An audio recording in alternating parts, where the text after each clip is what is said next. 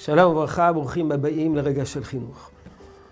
בימים הקרובים אנחנו נעסוק בחינוך ילדים לאמונה. ילדים קטנים.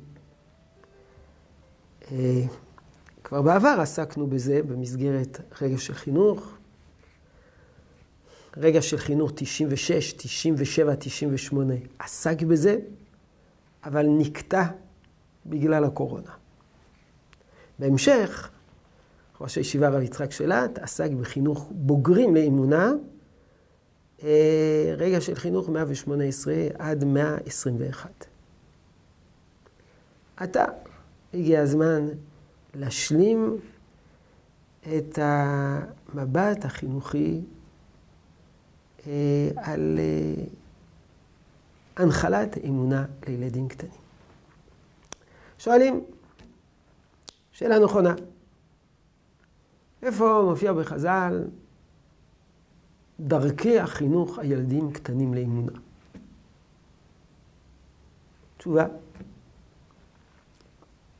לא נמצא. הוא נמצא ברמזים קטנים. חז"ל בדרך כלל כותבים, קובעים בעיקר את היעדים החינוכיים, את כל שיטות החינוך, שיטות החינוך, הפטנטים לחינוך, דרכי החינוך, פחות בולטים בצורה מסודרת בחז"ל. למה? כי אה, עיקר החינוך לאמונה עם ילדים קטנים זה באמצעות חיים בסביבה אימונית. ילדים קטנים שחיים בסביבה אימונית מתחנכים לאמונה.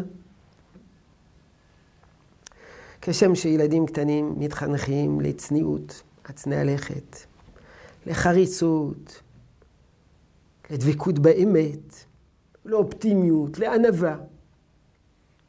נכון, ננסה להסביר להם, נספר סיפורים, אבל עיקר הנחלת המידות הישרות והטובות זה על ידי חיים בסביבה שהיא כזו.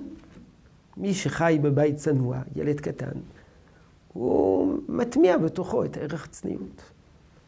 מי שחי בבית שספוג, שקירות הבית ספוגים באמונה, אז הוא יתחנך לאמונה.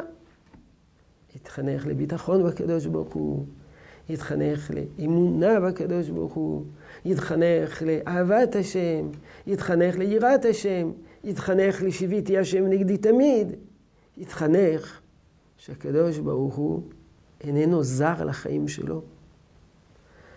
אה, זה בכל תחומים האמוניים והמוסריים.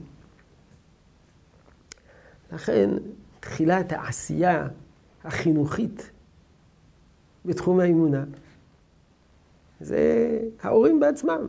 הם צריכים לעבוד על האמונה שלהם, שתהיה לא רק, אה, שלא תהיה נסתרת, שתהיה גלויה. גלויה באמת, לא מחזה, לא אה,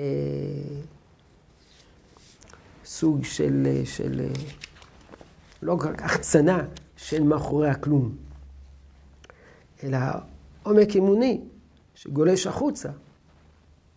ואז הילדים קטנים יקבלו אותה. יהי רצון שתשרה ברכה בעבודתנו החינוכית. שלום שלום.